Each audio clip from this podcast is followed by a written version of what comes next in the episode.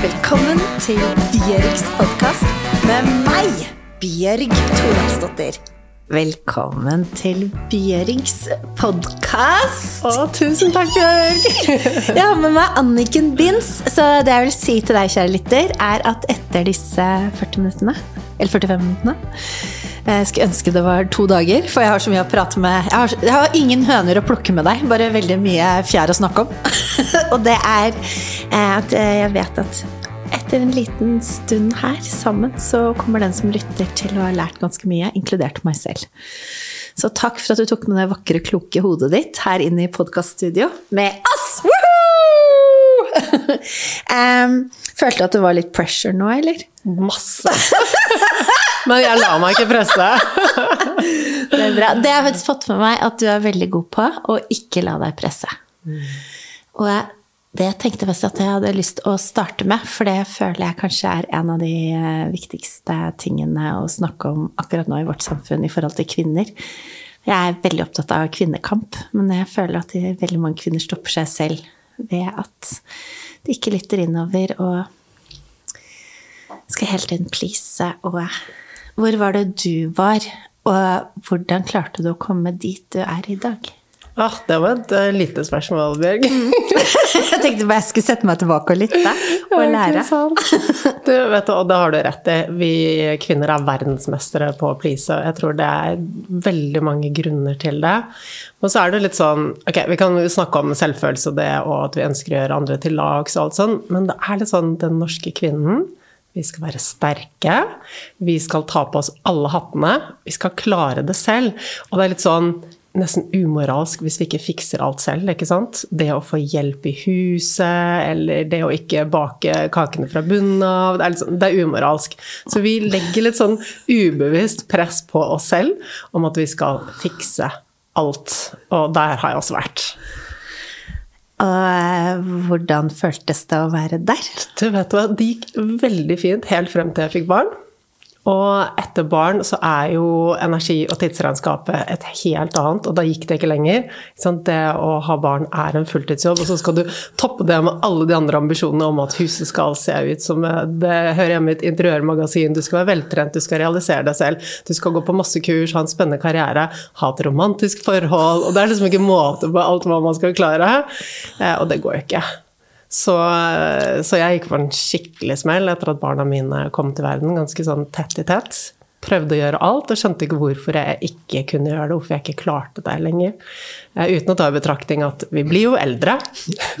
så uh, det er ikke like lett å være helt om natten og om dagen lenger. Og det er bare en realitet vi trenger å ta med oss. Så jeg tror at det veldig mye ligger i de forventningene vi har til oss selv, som selvfølgelig er skapt av samfunnet rundt oss, vi har den fine janteloven i Norge, ikke sant. Vi skal jo bare um, vi, vi, vi, skal være så sterke, vi skal klare alt selv. Det er så slitsomt! Ja, og det går jo ikke. Ah.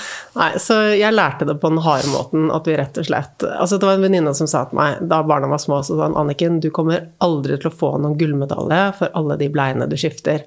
Og jeg var litt sånn Men jeg skal ha tøybleier, lage all babymaten fra bunnen av, liksom, jeg skal gjøre alt riktig. det gikk jo ikke. Så Hvor da, lenge hadde de tøybleier? Ah, jeg tror jeg, jeg husker ikke. Jeg hadde det med det første barnet kanskje det første året, og så røk det. Um, så alt handler om rutiner og prioritering. Det, det, er mye man kan få til, men du kan ikke få til alt samtidig. Og da er det viktig å finne ut av hva du rett og slett vil prioritere. Så for meg ble egentlig vendepunktet en bok som jeg fikk av mannen min. Han var kanskje litt sånn 'Hæ, ta og les den boken her, du. Eh, og den boken heter 'Essentialism'. Anbefaler alle å lese den. Men jeg kan gi en liten sånn kort eh, resymé på hva den handler om. Eh, det handler jo rett og slett om at du trenger å finne ut av hvordan du vil at livet ditt skal se ut. Sånn, hvor du vil hen i livet. Hva, hva er suksess for deg? Altså, hva er din definisjon av å leve et godt liv? Og det vil være ulikt for alle. Og så, når du har det klart for deg, hvor du beveger deg mot For meg så er det sånn Personlig så handler jo livet mitt om at det skal være bra. Jeg vil rett og slett ha det bra. Eh, ha god helse, energi, få til å gjøre kule ting som å dra og surfe og kjøre snowboard, være med familien min, eh, ha energi til å drive med den spennende jobben jeg gjør, spille en podkast med deg, gjøre alle sånne kule ting. Og det er sånn, ok, klart, da vet jeg, jeg har det klart for meg hvor jeg vil og hvordan jeg vil livet skal være. Og så kan jeg begynne å vurdere alle muligheter som dukker opp i livet. Er det noe som bringer meg mot det målet, den visjonen jeg har for livet mitt, eller fjerner det meg fra det? Så du kan jo se for deg liksom sånn um, Uh, Hvis du bare ser for deg inni hodet ditt nå at det er, sånn, det er, det er et mål du skal til, som er i fremtiden, og så er du et annet sted du er her. Uansett hvordan du tegner opp fra her til nå, disse to punktene. Hvis du da vet hvor du skal, og du kun gjør de tingene som fører deg dit, så blir det en sånn ganske rett linje som tar deg i mål.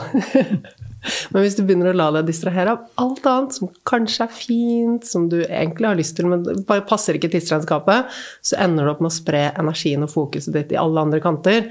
Og da kommer du ikke til det målet du vil ha. Da blir det bare sånn dårlig sånn nyttårsrakett. Sånn bzz, Ja, Ja, ja, sånn teaser som bare bzz, ja. ligger på bakken. Og, Istedenfor den derre 5000 kronersen som bare yes, kommer i mål og gjør ja. ja. Så det hele, altså den ideen, og det kalles essentialism, da, den måten å tenke på, at du rett og slett bare velger det som er essensielt for din retning. Det ble et veldig stort vendepunkt for meg. Jeg kjente at ok, det er viktig for meg å leve et liv som er bra, etter min definisjon på bra. Og hvis jeg holder på med alt annet, så kommer jeg meg aldri dit. Hva alt annet drev med? Alt annet. Og, og, alt annet kan jo være Noen ting kan jo være ting som er sånn Å, dette er fint, og jeg tror egentlig at det bidrar til det livet jeg vil leve.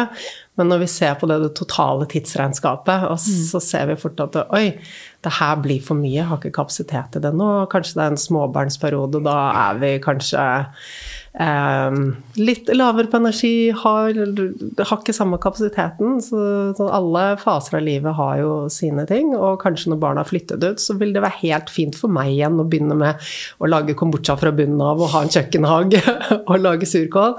Det prioriterer jeg ikke lenger. Ja. Så rett og slett bare begynne å finne ut hva bidrar, hva bidrar ikke. Hva tenker jeg at egentlig bidrar, men det blir for mye i tidsregnskapet mitt. Men hvordan gjorde du det når du fant ut? Tok du et Excel-ark omtrent og skrev hvor mange timer hver ting tar, og så regnet ut sånn hva er det som er Eller hvordan gjorde du det? Du vet hva, Det er faktisk veldig smart å begynne å se på tidsbruken. Og begynne å regne over hva du gjør av ting. Og det har jeg også gjort. Eh, for min del så er det Jeg har veldig lite behov for liksom skjemaer og struktur. Jeg er litt sånn, jeg har alt i hodet. Og for min del blir det veldig klart når jeg vet hvor jeg skal. Og gjennom hverdagen, alle de tingene som dukker opp, så er det sånn Ok, hvis jeg gjør dette nå, hva kommer konsekvensen av det til å være? Gir det meg energi? Tar det tid? Det meg, bringer det meg dit jeg skal? Og så begynte jeg bare å vurdere hver eneste ting. Og det kan kanskje høres litt sånn overveldende ut, men det blir en vane, da. Men sånn f.eks. hvis du skulle møte en venninne på kafé. Hvordan, liksom, hvordan, tenkte du da i det? For det er jo koselig hvis det er noen du har lyst til å se, og du ikke har hatt tid til å se på lenge og sånn, men du har mm jeg vet at du prioriterer steinhardt, og jeg er veldig imponert over eh, tidsbruken din. Og hvor lojal du er mot deg selv, liksom. Men eh, jeg har lyst til å lære av deg, og det tror jeg også lytteren min har, med hvordan du, hvordan du da tenker liksom hvordan, liksom, hvordan, tenker du? Ja. Eh, og det er et veldig godt spørsmål, Bjørg. Jeg kan innrømme at det er ikke så mye venninneturer på kafé. Ehm, det handler litt om akkurat den fasen jeg er i livet. Jeg har fortsatt små barn som trenger meg. Jeg har ikke like mye fritid. Eh, og så har jeg mål jeg vil nå på jobb.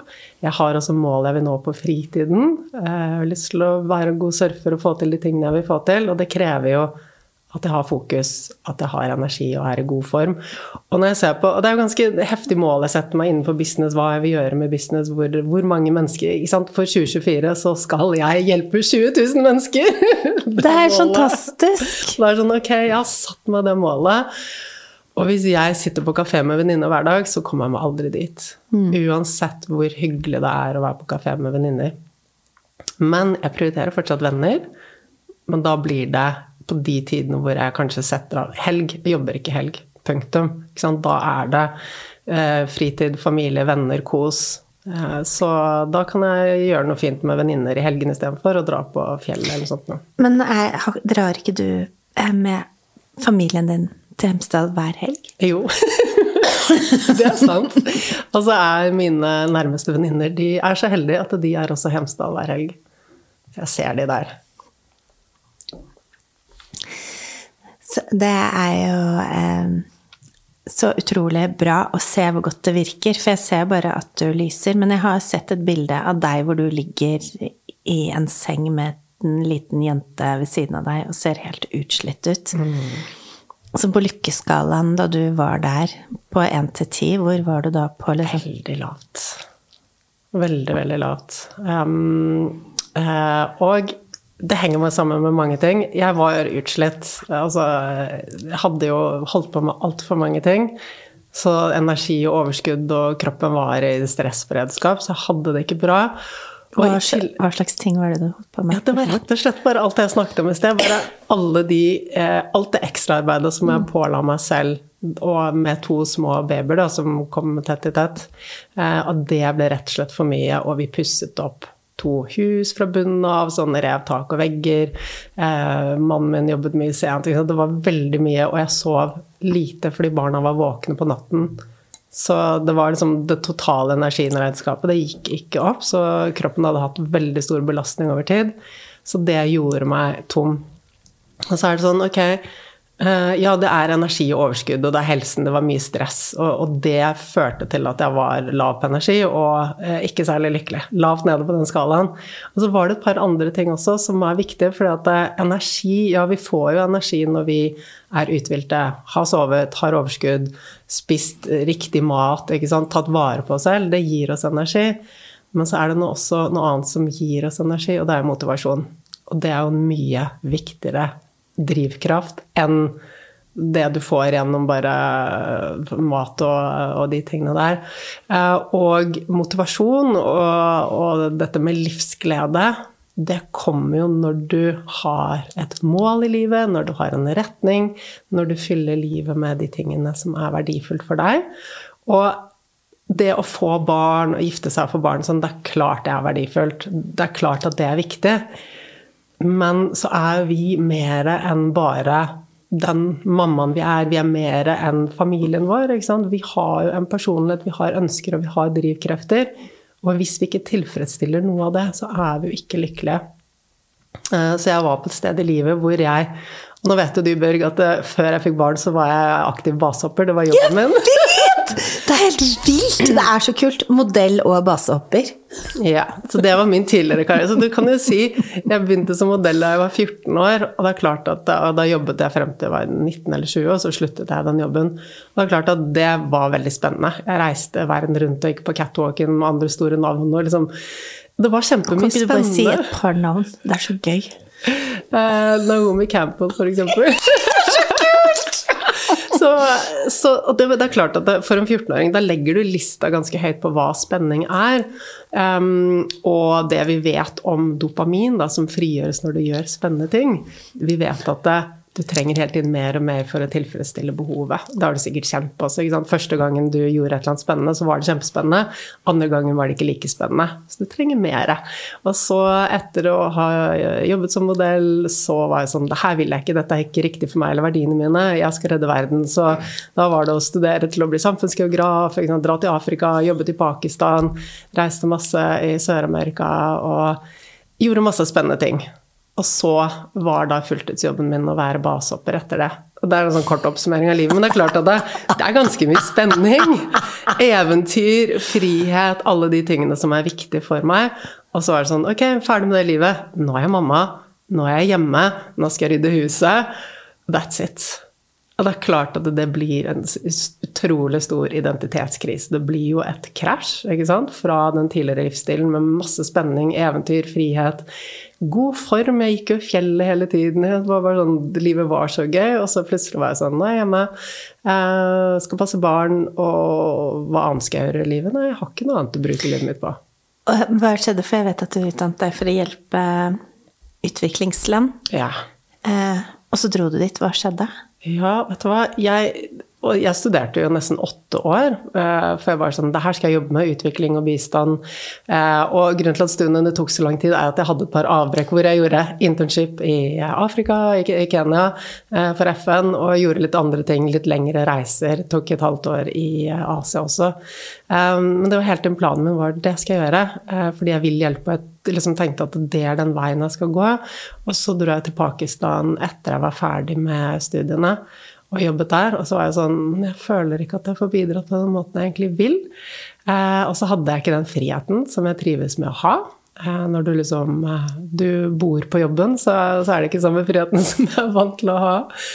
Og samtidig med det så fikk jeg også sponsoravtale for å drive på med basehopping. Eh, og jeg møtte også mannen min, Pelle, som jeg er gift med nå. Så var det sånn Ok, skal jeg dra tilbake igjen og bo i Afghanistan i en sånn liten compound og ikke ha noe frihet? Eller skal jeg være sammen med mannen i mitt liv? Skal jeg hoppe base og gjøre de tingene? Og likevel så var ikke den Jeg kjente at den bistandshumanitære sektor bare Det er ikke helt meg.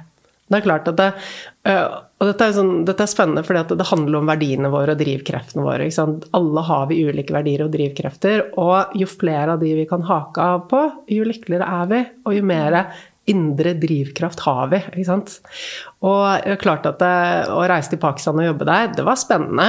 Jeg var masse oppe i fjell, og jeg fant steder å hoppe base, og vi, vi, gjorde masse gøy, men likevel så var jeg sånn Jeg føler meg litt stuck. Og jeg har ikke lyst til å sitte her all evighet. Og jeg føler ikke at jeg bidrar på den måten jeg vil. Jeg har ikke den Det var mye møter, det var mye byråkrati, papirarbeid, bare Hva skjer med min innsats? Får jeg faktisk gjort noe? Så det er sånn ok, nei, jeg følte ikke at jeg var helt avsjekk på alle verdiene.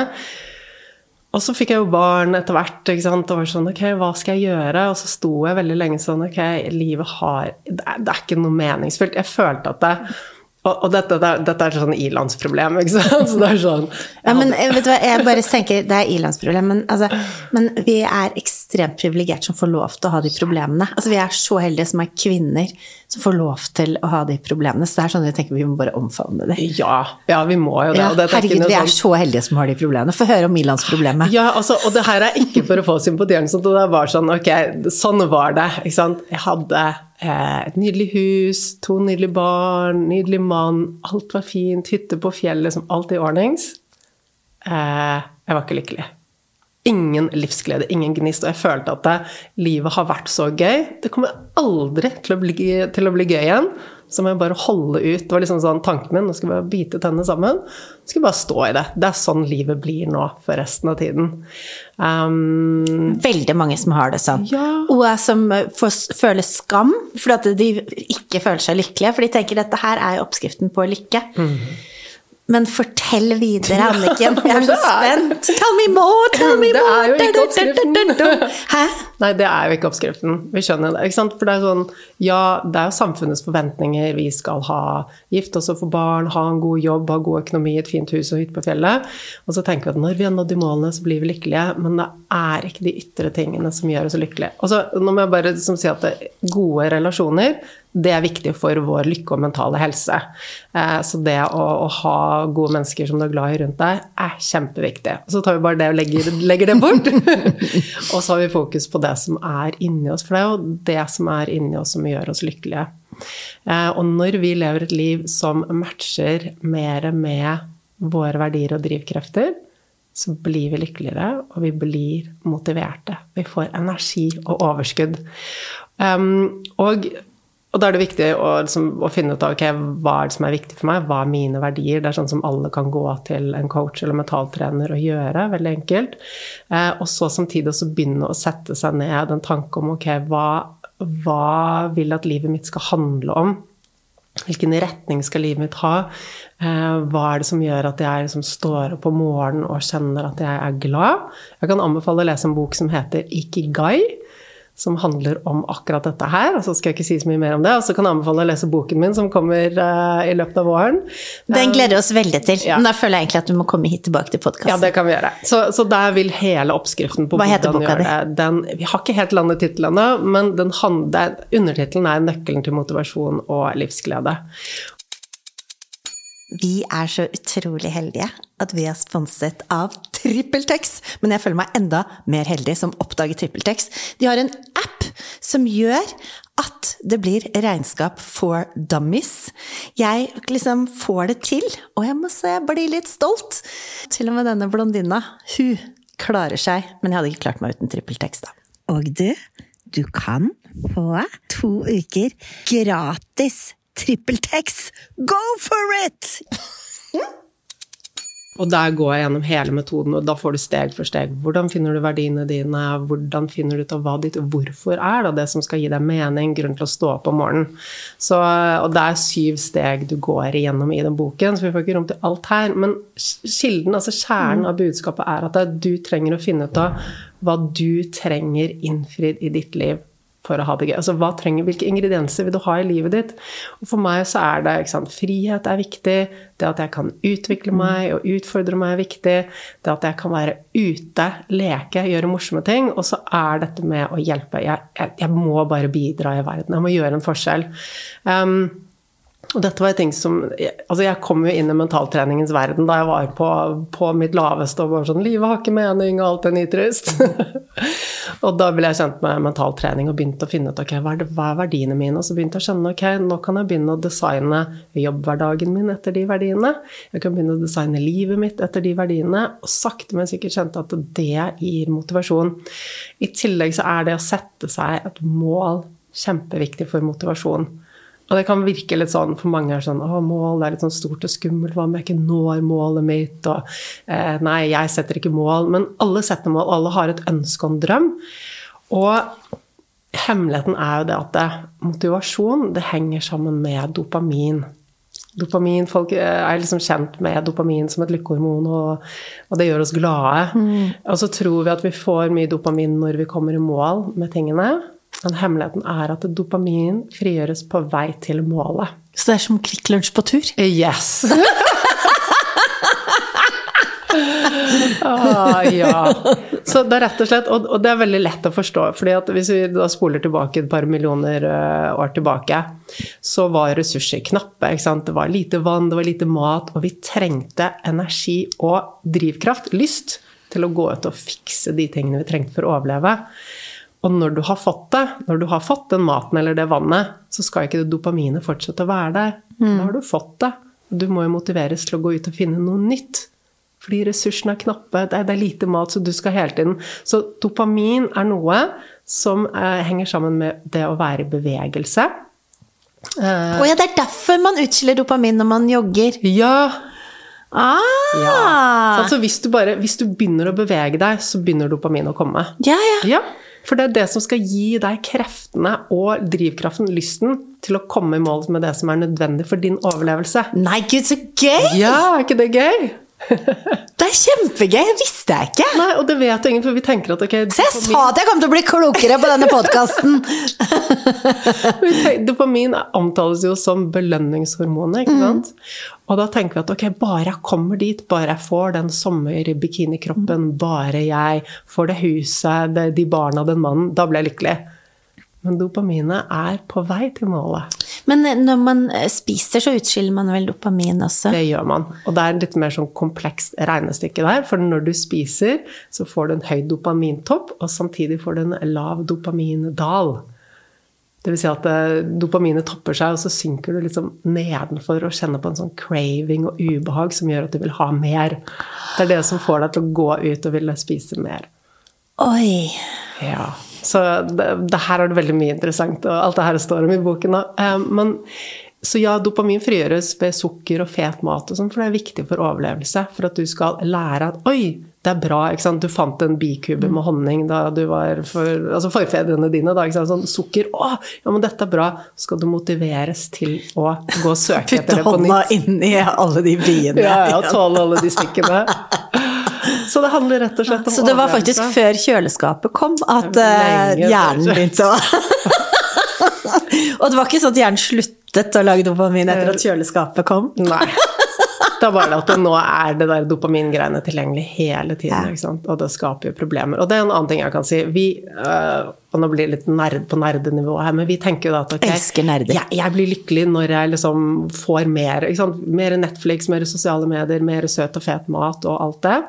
Uh, men det jeg sa i sted, er at ok, det peaker dopaminet Du kan se for deg sånn, der, sånn kurve, sånn graf. Det går sånn høy bølge opp, og så går det like langt ned etterpå. Da kjenner du på ubehag. Um, så hemmeligheten er jo det at ok, før i tiden, da du skulle ut og finne den bikuben, så måtte du, måtte du ut og gå. Du måtte jobbe hardt, og så fikk du belønningen. Og når du jobber hardt for noe, og så liksom får den der bikuben eller sukker eller hva det er nå, så, så piker dopaminet ditt, men det dropper ikke ned etterpå. Men når du bare setter deg i sofaen og slenger innpå med noe søt og fet mat og mm. Netflix, så kommer du dypt ned i en dal etterpå, og der finner du angst og depresjon, og du finner craving, du finner meningsløshet, du finner tomhet, masse ubehag, irritasjon. Alle de følelsene er knyttet til den dopamindalen som kommer etterpå. I know. Oi, Hvordan var det du fant ut av dette her? Det, dette her er, eh, Jeg har hørt masse research til boken min. Men jeg kan anbefale en veldig veldig dyktig person som heter Anna Lembke. Hun er professor på Stanford, ja, på Stanford og har skrevet en bok som heter Dopamine Nation. Anbefaler alle å lese den. Yes. Jeg får få henne til å komme hit til ja, podkasten. Ja, det må du. kan jeg være med da? Så men, det er bare google henne. Dopamination, så finner man henne på YouTube. og sånn, og Det er så spennende. Det er så viktig at vi snakker om alle de tingene her. Og nå, eh, hvor er du på lykkeskalaen nå, fra 1 til 10? Ah, jeg vil si at jeg er på en tier. Og det er egen jobb! yes! Altså, du You did the work, girl! det er kun det. Det er rett og slett do the work. Uh, og det vil si at det å liksom kjenne at jeg er på en tier på lykkeskala, det betyr ikke at jeg våkner hver dag og er yay! Det betyr at jeg aksepterer de dagene hvor energien kanskje ikke er som den skal være. Da vi snakket sammen forrige uke, da, da hadde vi en liten sånn FaceTime, og da lå jeg på yogamatten på gulvet og tok hele dagen med å bare ligge der for å slappe av fordi energien var lav. Ikke sant? Eh, så det å være en tier på lykkeskalaen for meg, det betyr at jeg er tilfreds, jeg har drivkraft og livsglede, og at jeg aksepterer de dagene mm. hvor formen ikke er helt på topp. Um, og at du har tro mot verdiene dine, ja, for da har man det godt. Og det er det viktigste. Å være tro mot verdiene, rett og slett. Um, og det henger jo sammen med oss. Og, vi har begynt å snakke litt om dette med selvfølelse i starten. Og det er også en grunn til at veldig mange gjør veldig mye. Um, vi skal komme inn på dette med å gjøre, gjøre, gjøre. da. Uh, hvorfor vi sliter oss ut. Så er jo det jeg akkurat nå snakket om, dette med dopamin, er jo en viktig grunn. Fordi vi tror at lykken kommer når vi får et eller annet. Mens dopaminet det frigjøres på vei til noe. Og når vi får det, så er det ikke noe mer dopamin igjen. Mm. Når du har fått den nye, fine kjolen, så var den kul da du fikk den. Og et par dager etterpå så er den bare sånn Ja, ikke sant. For naturen sløser ikke med de ressursene. Det er ikke noe vits å fortsette å frigjøre dopamin. Du har fått det, du skal ut og få noe nytt. Så siden vi ikke vet det, så tror vi hele tiden at eh, jeg må ha noe mer for å mm. være lykkelig. Så en sånn dopaminavhengighet fører oss til å gjøre veldig mye. Og der var jeg veldig bare sånn Å, men lykken ligger at jeg får gjort dette og får gjort dette og får gjort dette. og får gjort dette, Istedenfor å begynne å nyte det jeg hadde. Så det er liksom en av de fallgruvene som gjør at vi sliter oss ut. Og den andre er nettopp dette som vi var inne på, det med people pleasing. Eh, som henger sammen med lav selvfølelse. At vi føler at vi ikke er like verdifulle som de rundt oss. Og at for at vi skal bli godtatt av flokken vår, for det er jo viktig for oss. ikke sant? Igjen tilbake til eh, steinaldermennesket. Vi overlevde ikke uten flokken vår.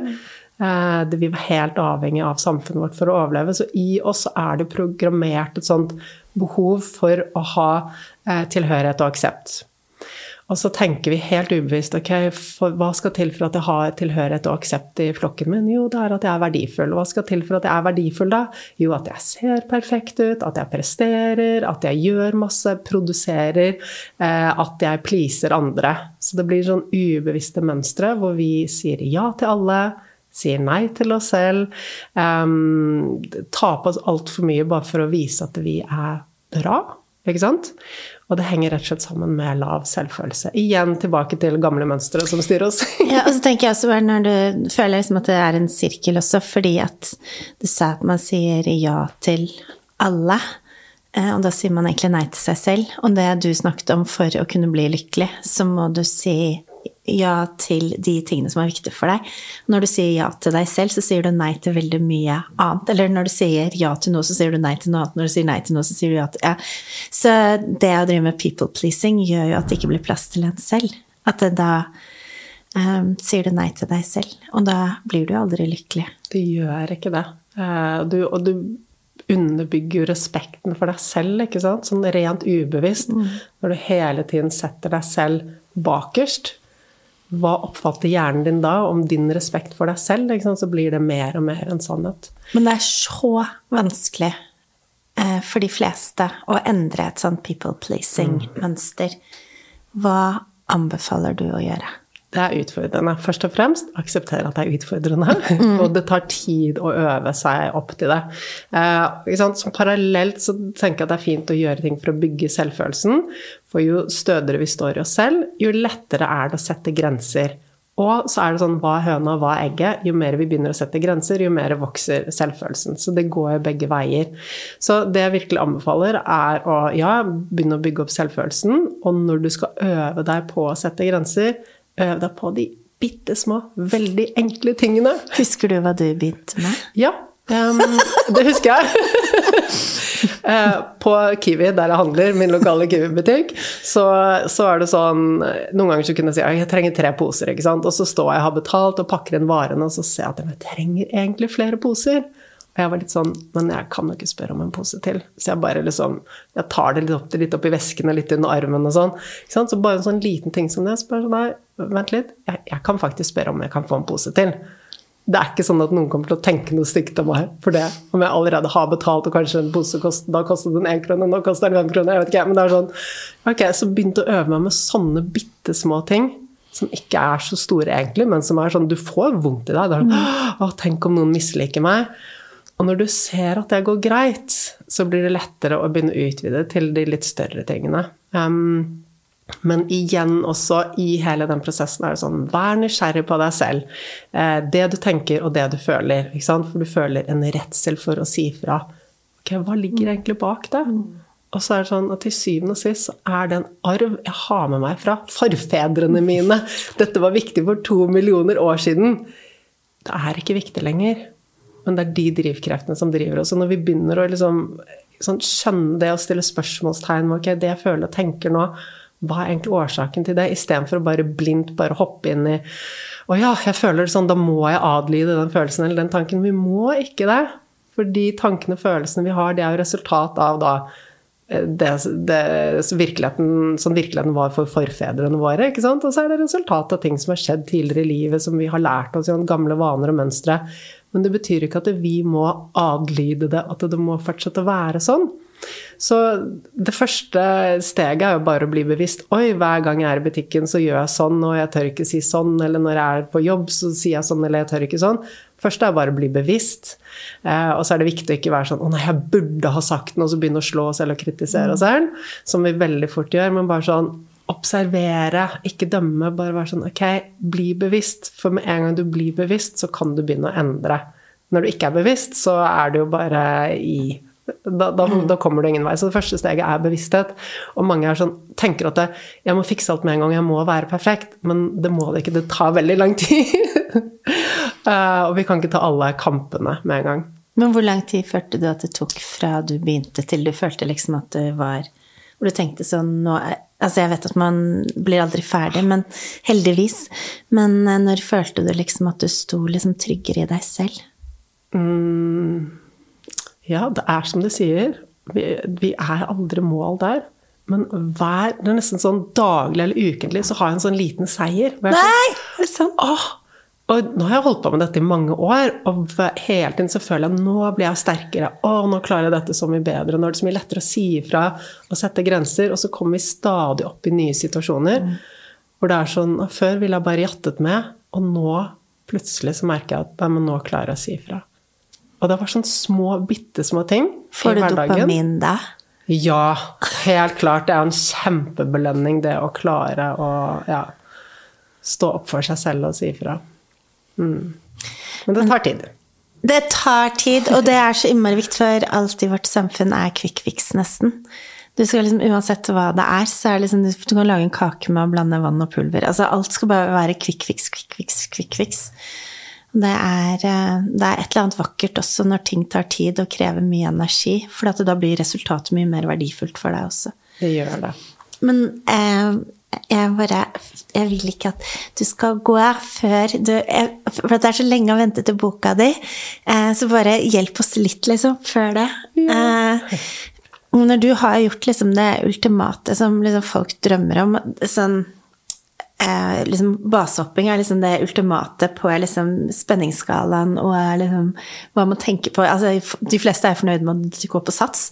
Eh, og og du har liksom reist, tatt åtteårsutdannelse og reist til Afghanistan og sånn, for, fordi at du ville hjelpe, og så var ikke det riktig allikevel. Um, så jeg tenker liksom at de fleste tenker sånn Ja, men eh, hva, hva, skal jeg liksom, Hvordan skal jeg finne mitt hvorfor? Når eh, Anniken liksom ikke fant det. For jeg vet at det er veldig mange som drømmer om å drive med bistand, men aldri kommer så langt engang. Mm. Eh, og så kanskje hvis de hadde kommet så langt, så hadde de funnet ut at det ikke var riktig for dem. Altså, eh, kan ikke du bare gi oss noen gode råd på jeg vet, Du trenger ikke å gå gjennom alt, men bare noen, sånn at vi vet hvor vi kan begynne med å finne mitt hvorfor. Hvorfor jeg er her. Hva som, mm. hva som gir meg betydning. Ja, kjempefint og stort spørsmål igjen. Så jeg skal gjøre mitt beste på svar. Så jeg tenker at det viktigste med det Først så vil jeg anbefale å begynne å kartlegge verdier. Eh, og eh, det er klart at det her er en sånn, det er lengre prosess som jeg går gjennom med mine klienter, og sånn, men du kan begynne å sette deg ned og bare ok, skrive ned hva er det som gir meg energi? Hva er det som, får, hva er det som fyller meg med en følelse av mening i livet mitt? Og bare der så begynner du bare å skjønne at ok, altså liksom, hva er det jeg trenger i livet mitt for at jeg skal ha det bra. Bare begynne å skrive ned. Ikke sant? Så det er viktig at man liksom bare får masse ting ned ja, og det er Viktig, for for deg så er det frihet, og for noen så er det bare trygghet. At det å gjøre det samme hver dag og kjenne på den tryggheten, mm. er for dem er det helt fantastisk. Mm. Så er, vi er så forskjellige. Vi er forskjellige, og det er bare viktig å, å ta med. Eh, og så kan man også spørre seg ok, hva er det som trigger meg hva, når jeg blir skikkelig sint? Ikke sant? Hvis noen tråkker over grensen med investor, noen som eh, er urettferdig eller noe sånt, så bare gå gjennom hva er det som trigger meg, hva gjør meg sint, og hva er motsatsen til det. Så begynner det også å komme nærmere verdiene. Det er genialt. Ja. Så det er, det er kjempeenkelt. Bare begynne å skrive ned det, og så liksom se litt over ordene. Sette ned en liste med ord som man tenker at ok, dette er, de, dette er det som er viktig for meg i mitt liv. Og så handler det om å begynne å ok, jeg tror at dette er viktig for meg, og så skal jeg ut i livet og sjekke stemmer det. Får jeg faktisk energi når jeg har dette livet? Er det noe annet som skal inn på listen? Så det er sånn work in progress. Og det syns jeg faktisk er interessant bare når du sier det nå, for jeg er jo med i Farmen kjendis akkurat nå. Og jeg får så mange meldinger fra folk som er så sinte på Christian og hans oppførsel der inne. Og da tenker jeg at det er en veldig god indikator for at hvis du blir sint på han fordi at han oppleves kynisk, eller at han ikke tar vare på fellesskapet, eller hva det er, så blir det sånn Å ja, men da, når jeg reagerer sånn, så betyr det at fellesskapet er viktig for meg, og da kan man skrive opp fellesskap på eh, verdier. Eller at han er veldig sånn kynisk og bare gir all mat til meg. Og da tenker man ok, da mine verdier er solidaritet og raushet. Så det er jo en fantastisk måte å gjøre det på, sånn som du sier. Og bare finne hvor er det jeg Når er det jeg liksom virkelig blir trigga? Mm. Hvilke mennesker er det som trigger meg, om det er på TV eller i virkeligheten eller Veldig, veldig bra, Bjørg. Og det er jo, ikke sant Du ser at når verdiene dine, når noe går på tvers av verdiene, så trigges du. Og noen ganger så er jo det bevisst, ikke sant? sånn som det tilfellet du snakker om her. Eh, mens andre ganger så er det helt ubevisst. Og veldig mange lever et liv som går på tvers av verdiene, uten at de vet det. Og så går de rundt med mye indre stress som de ikke er bevisst. er liksom misnøye, det er noe som er feil hele tiden, og så er de irriterte. Liksom, og det kan jo føre til utbrenthet uh, i det lange løp. Um, så det å bare begynne å bli mer bevisst det er kjempefint. Og så begynne å rydde opp og bare skape livet mer i tråd med verdiene. betyr ikke at det må være 100% i tråd med verdiene, men at vi kan i hvert fall ta et valg. Ja, kanskje du er i en jobb som ikke er helt riktig i forhold til dine verdier, men da kan du i hvert fall si men jeg er i den jobben og fordi den gir meg den økonomiske tryggheten jeg trenger til familien min, f.eks. Og da kan du stå i noe som ikke mm. er optimalt, men å ha det optimalt fordi du selv har tatt valget, versus at du bare er passasjer og er der og vet ikke helt hvorfor ting ikke er bra. Så det er en stor forskjell. Så begynn med verdiene, rett og slett. Og så kan du gå videre til å liksom tenke etter hva ditt hvorfor er. Hva, hva er liksom det som gir deg mening? Hva er det du har lyst til å bidra med i verden? Eh, og det kan være så mye. For noen er det sånn 'jeg skal redde verden'. For andre er det sånn eh, 'jeg skal oppdra barna mine til å bli eh, bra samfunnsborgere'. For noen, det, for noen så er kanskje meningen å føre regnskapet for små og mellomstore bedrifter, sånn at de kan gå ut og redde verden. Så vi har alle alle ulike drivkrefter. Alle har vi ulike ting som kan gi oss mening. Det må ikke være sånn svært og grandiost, mm, men det viktigste er at det er noe som funker for oss. Og igjen her med å finne ut av hva er det som gir deg liksom glede og mening i livet, så må vi ut og teste. Mm. For du kan liksom sette deg ned og bare sånn Ok, jeg tror kanskje dette virkelig er det, men så må du ut på jobb, i møte med andre, sjekke er det virkelig det som får meg til å føle meg hel, som fyller meg med en følelse av mening og drivkraft? Eller er det noe annet, så kan vi justere det. Um, men det som er lurt, er å sette seg ned og f.eks. gå gjennom hele livet. Hvilke tidspunkter i livet var det jeg var veldig glad? Hva likte jeg å holde på med da jeg var liten? Mm. Snakke med venner og familie og kollegaer. Hva er det du ser at jeg er god på? Uh, og så Ja, det er lurt, for man er ofte ikke så god til å se selv. Nei, man er ikke god til å se det selv. Og så en annen ting som også er fint å spørre seg Er å spørre ærlige venner, kanskje. Å ja, spørre ærlige venner. Ja, ja. Ikke de som bare jatter med. Men ærlige. Uh, og så spørre venner og seg selv hva er det Um, hva er det du uh, trigges sånn av at du kan prate om det i timevis? Og et mm. annet spørsmål så hvis du da Å, det er et genialt spørsmål! Ja, det er litt sånn, fordi kanskje ikke du helt vet det, men hvis du spør vennene dine, så er det sånn Og du prater alltid om dette. ikke sant? Og det er sånn, ok, men det er en av drivkreftene dine, det er en av de ting du virkelig brenner for. Eh, så, så, det å begynne å liksom sjekke, sjekke, med de rundt deg, og få liksom lest tilbake hva er det og hva er styrkene dine, hva, hva, liksom, hva, ser andre at du er god på, eh, at det gir deg glede, og så begynne å få de tingene ned på papiret. Og jo mer du får ned på papiret, jo mer så romsterer det litt rundt i hodet ditt, og så begynner du liksom Det puslespillet, eh, det begynner å legge seg ganske fint, så begynner du å skjønne hva det egentlig er som gir deg mening, og hva du har lyst til å fylle tiden din med, rett og slett. Eh, og en sånn siste lurt spørsmål er hvis du da hvis penger ikke var viktig, ikke hvis du ikke trengte å tenke på penger, hvis alt var mulig, hvis det ikke var noen hindringer, hva ville du fylt dagene dine med da? Og da kommer man veldig ofte frem til sitt eget mm. hvorfor. Mm. Er et veldig bra spørsmål. Mm. Hvis du hadde en tante Nei, er det ikke alle som drømmer om å ha en sånn tante i Amerika som var kjemperik? Som ikke hadde noen andre arvinger enn akkurat deg. Plutselig bare får du den sjekken i postkassen. Så hadde du fått den sjekken i postkassen, hva ville du gjort med livet ditt da? Hvordan ville livet ditt sett ut? For veldig mange så er det sånn når man spør eh, ok, hvis du ville fått så mye penger, eh, hva ville du gjort med livet? For veldig mange så, så svarer de at det ikke ville endret så veldig mye folk er ofte veldig tilfreds med liksom, der de bor, og liksom jobb og familie og de tingene. Men så er det noen ting, det er kanskje jobb eh, ofte, som de kan endre på. Men liksom bolig, eh, familie og den, de tingene er folk ofte veldig fornøyd med. Og så er det også noen ganger at du kan være noe som egentlig er bra for deg, men at du egentlig ikke ser det. Og når du blir bevisst på at det er det her som er riktig i forhold til mine verdier og mitt hvorfor, så gir det deg en gnist som ikke var der fra før. Hva er, det, hva er det du elsker mest å prate om for tiden?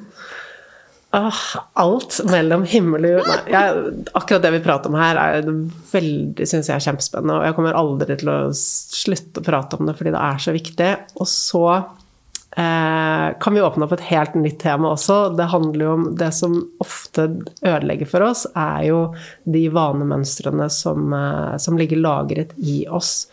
Og noe, jeg tror kanskje noe av det jeg brenner mest for, eller det er i hvert fall når jeg har gått gjennom mitt hvorfor og kjenner at hver gang jeg blir skikkelig gira eller blir skikkelig trigget, så handler det om når folk sitter fast i sitt eget hode fordi de ikke har kunnskap om hvordan de kan få til endring. Så alt det vi gjør, styres, eller nesten eh, alt det vi gjør, sier, tenker og føler, er styrt av vanene våre. Og de er lagret i underbevisstheten vår. Så vi er jo ikke bevisst de i det hele tatt. Og de er gjerne et resultat av opplevelser vi har hatt tidligere i livet. Det som har skjedd rundt oss, lagres det da vaner i oss. Og de kan vi endre når vi vet hvordan vi gjør det. Men nøkkelen til å endre de er jo å ikke bruke viljestyrke, fordi det funker ikke. Så jeg tror kanskje det, Bjørg, er noe av det mest spennende jeg snakker om. Og det er også tema gjennom hele boken. Fordi du kan eh, Det vi snakket om nå om verdier og å finne ditt hvorfor, er kjempeviktig for motivasjon. Og vi har også flere verktøy, sette seg mål etc. Men tilbake til det vi snakket om i sted, dette med selvfølelse og det at vi tror at vi må please andre, det er jo del av de begrensende vanemønstrene vi har. Så vi kan bruke mange fine teknikker på å bygge opp motivasjonen og livsgleden, men så må vi først rydde litt på loftet og, og gjøre noe med de vanene som er uhensiktsmessige, som ligger i, oss, som kan være Det å ha lav selvfølelse er en vane. Det å se på deg selv som en person som er mindre verdt enn andre, det er en vane. Eh, det å se på deg selv som en person som ikke får til ting, eh, eller hvor at de gode tingene i livet ikke er tilgjengelige for deg, det er også en vane du har kanskje hatt det i mange år, men vi kan endre det. Og det er så fantastisk! Ja. Hvis man ikke bruker viljestyrke, hva bruker man det? da? Du må jobbe med eh, hjernen. Så underbevisstheten er jo en del av hjernen. Eh, og underbevisstheten sitt språk er følelser. Ikke sant? Hvis du sier til deg selv jeg vet ikke, men kanskje du har sagt til deg selv en gang nå skal jeg begynne å jeg skal trene fem dager i uken. Skal bare spise sunt hver dag. Det er den rasjonelle delen av hjernen. Viljestyrken sier det skal jeg gjøre. Og før du vet ordet av det, så har du gjort noe annet. Du har gått i godteskuffen, du har spist den potetgullposen, og du har droppet treningen uten at du egentlig vet hva som skjedde. Det er fordi underbevisstheten din har styrt deg til å gjøre det. Fordi det er mønstre som ligger lagret i underbevisstheten din. Så underbevisstheten sitt språk er følelser. Og du må endre på hva du føler om ting, og du må endre på de vanene som er i underbevisstheten for å få til endring. Så det er klart, det er litt større enn Jeg vil veldig gjerne ha deg tilbake, Anniken. ja. Så kan du komme tilbake når eh, boken din har kommet ut, og så skal vi snakke mer om vaner og vaneendring, som er superspennende. Du er dine vaner. Og jeg elsker et quote. Act the one you want to be, and suddenly you are she. Oh, den var fin! Hvor har du den fra? Den må jeg få låne. Fra det vakre hodet mitt. Oh. Kan jeg låne den? Du, den, den er din. Den er fantastisk. Er, tusen, altså det er det minste jeg kan gi etter altså denne timen med så mye fantastisk kunnskap. Mm. Du er et så utrolig vakkert menneske. Mm. Ute og inne. Og, altså, og du er et forbilde. Og jeg er så vanvittig takknemlig for at du har vært her i dag. Og jeg er så takknemlig for at du kommer tilbake. Tusen jeg bare kjenner at jeg, bare, altså, jeg suger til meg all kunnskap. Jeg lærer så mye av deg. Så tusen takk. Og så, eh, kjære lytter, Anniken har faktisk sin egen pod også, som heter Level Up. Og hvis du hører på den, så kommer du til å få et bedre liv, rett og slett, tenker jeg. Ja, det håper jeg. og så kommer boken ut i den skal være i butikken 1. mai. Skal du ha lydbok? Yes. Ah. Så bra. Og masse lydfyller som endrer på de eh, vanemønstrene du har i underbevisstheten. Ah, herregud, det er helt fantastisk. Ja. Det er helt fantastisk! Ja. For jeg har drevet og hørt på de Hva heter det når man blir hypnotisert? Nei, mm. ja. Mm. Eh, som du har. Altså, du, er, du er helt rå. Så tusen takk for at eh, du valgte å finne din vei til lykke som gjør at vi finner vår vei til lykke. Å, tusen takk. Eh, og så, kjære lytter, vær så god. altså, det er helt fantastisk. Tusen hjertelig takk for at du lytta. Håper du får en helt fantastisk dag. Og tusen takk, Anniken Binds, for at du kom hit i dag. Tusen takk, Bjørg.